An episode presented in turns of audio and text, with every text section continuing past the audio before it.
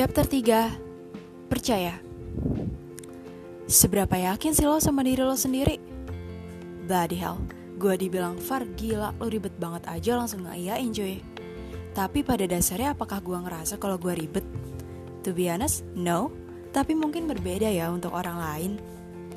Kita sering lupa bahwa setiap orang memiliki pendapat, cara berpikir, dan kebiasaannya masing-masing bung kita nggak bisa langsung telan semua yang mereka bilang karena terlepas dari salah atau benar pertama kita harus percaya diri bahwa apa yang kita yakinin adalah tepat. Perkara mereka bakal cap kita ribet kayak ignoran kayak ya ya udah. Kita nggak harus nurutin semua orang karena mustahil untuk kita turutin semua orang. Dan ya itu nggak apa-apa hal itu nggak merubah kita menjadi penjahat.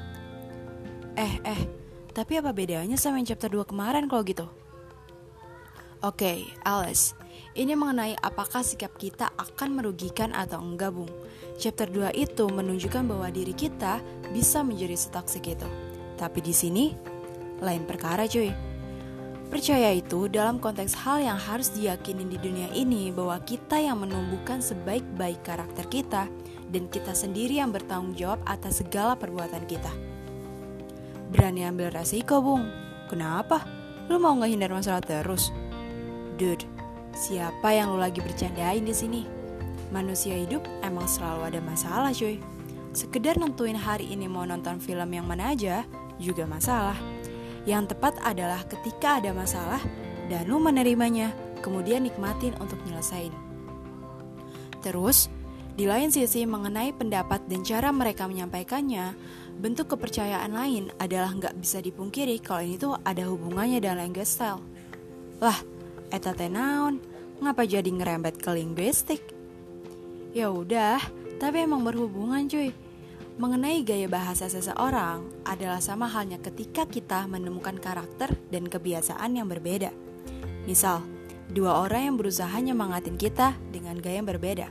Misal, satu bilang, harus semangat, istirahat dulu gak apa-apa, tapi jangan nyerah. Yang kedua bilang, woi gila, Capek itu istirahat dulu sinting, abis itu baru mulai lagi anjir. Masa nyerah?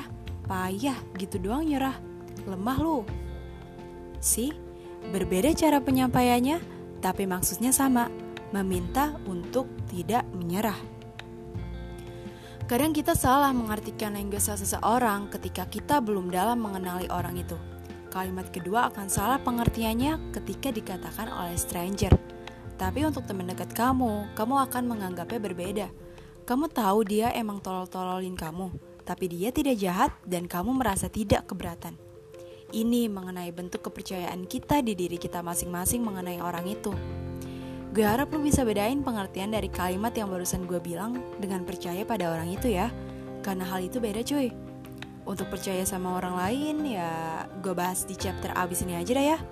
Yang jelas, Bentuk kepercayaan itu penting untuk mencegah kita untuk bernegatif ria. Percaya sama diri sendiri, percaya sama apa yang dirasain diri sendiri, terlepas orang lain mau bilang apa. Lu bisa ngelakuin apa aja, lu boleh berlaku seenak jidat lu, tapi asal nggak ngerugiin orang lain dan nggak menyalahi moral. Ya udah, itu sih menurut gua.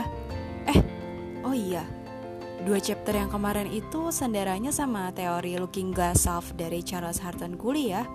Berhubung di sekolah gue nggak dapet sosiologi karena yang gue pelajarin etika profesi, basic akuntansi, yang belajar sosiologi pasti tahu nih.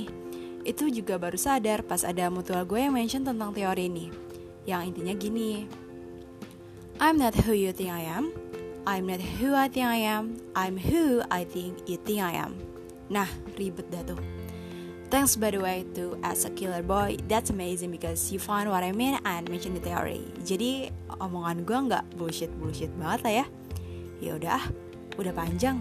Gue akhiri chapter ini. Sampai bertemu lagi. thank you